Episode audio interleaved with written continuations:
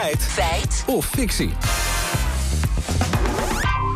Ja, een onderwerp waar we het allemaal wel een beetje mee bezig zijn. We zijn allemaal gaan tellen, want we gaan het Ja. hebben over elektrische apparaten. En iedereen is zo in zijn hoofd zijn huis Ja. een beetje langs gegaan. Klopt, want in de NRC staat vandaag een stuk over het grote aantal elektrische apparaten dat nauwelijks hergebruikt, gerepareerd of gerecycled wordt.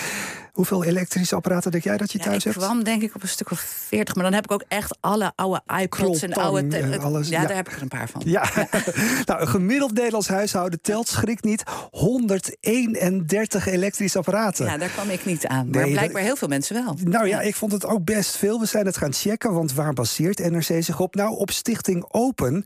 En 131 apparaten klinkt dan wel als een hele hoop. Maar volgens Steven van Eyck, voorzitter van Stichting Open en WeCycle... dat is geen spraakgebrek, maar zo heet dat, WeCycle... dan kom je daar al snel aan. Het voelt als heel veel, maar eigenlijk is het dat niet.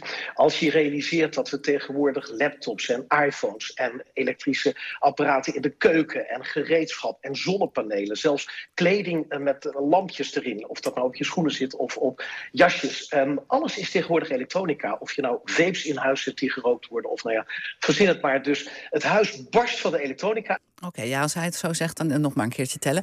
Maar gebruiken we al die elektrische apparaten dan? Nou, jij kwam zelf vanmorgen al met de broodbakmachine... die je inderdaad al één keer hebt eh, gebruikt en dan weer niet. Ja, ongeveer 20% van de elektrische apparaten... ligt ergens in huis te verstoffen.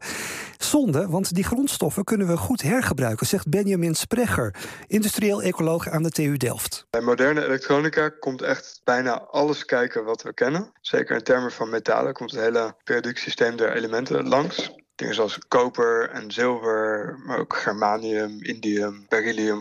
Kleine obscure metaaltjes die niemand kent. Als je dan ook nog eens een keer in je huis laat liggen en het niet recycelt, dan kan je het ook nooit meer hergebruiken. Maar volgens Sprecher moeten we niet alleen kijken naar de apparaten... die ongebruikt in huis liggen.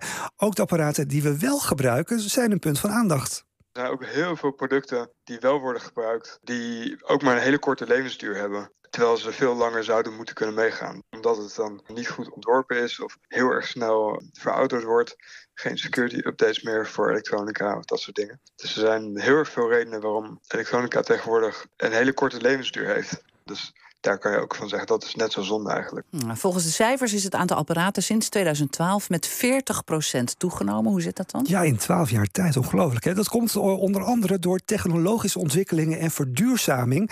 Maar ook corona heeft een flink steentje bijgedragen, zegt Van Eyck. Mensen zijn thuis studio's gaan inrichten, hebben lampen gekocht, iPhones, eh, computers en dergelijke. Daarnaast hebben we een energietransitie. Mensen zijn met zonnepanelen aan de gang gegaan, met warmtepompen, hebben ook een oude cv-ketels vervangen. En tegelijkertijd zijn er heel veel nieuwe producten op de markt gekomen, waar ook weer iets elektronisch aan zit. Zoals luiers die een sensor hebben en die aangeeft op een appje of de luier al dan niet vol is.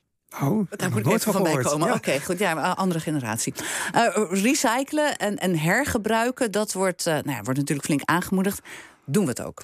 Milieu Centraal onderzocht wat mensen doen en wat ze zouden willen doen. En daar zit volgens Nicolien van Loon nog een hele grote kloof. bij kleinhuishoudelijke apparaten laten repareren, zegt 32% van de Nederlanders dat ze dat al doen.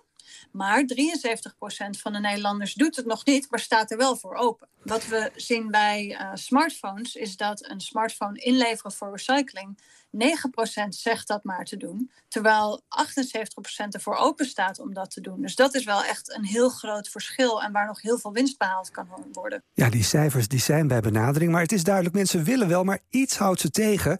Onvoldoende kennis bijvoorbeeld, eh, waar je een apparaat kunt inleveren. Of de hele hoge reparatiekosten zijn echt de redenen waarom mensen die stap dan niet zetten. Oké, ja, ik zit nog steeds over die luiers met sensoren na te denken. Maar ik denk dat het toch Wel tijd is voor de, handig. ja, voor, ja, misschien, voor de conclusie. Nou, een gemiddeld Nederlands huishouden zou 131 elektrische apparaten in bezit hebben, laatst in NRC. De krant baseert zich dan weer op Stichting Open. En zij hebben echt een grote steekproef. Letterlijk apparaten bij mensen thuis geteld. En daaruit kwam 131 als gemiddelde. Dus de uitspraak is echt een feit.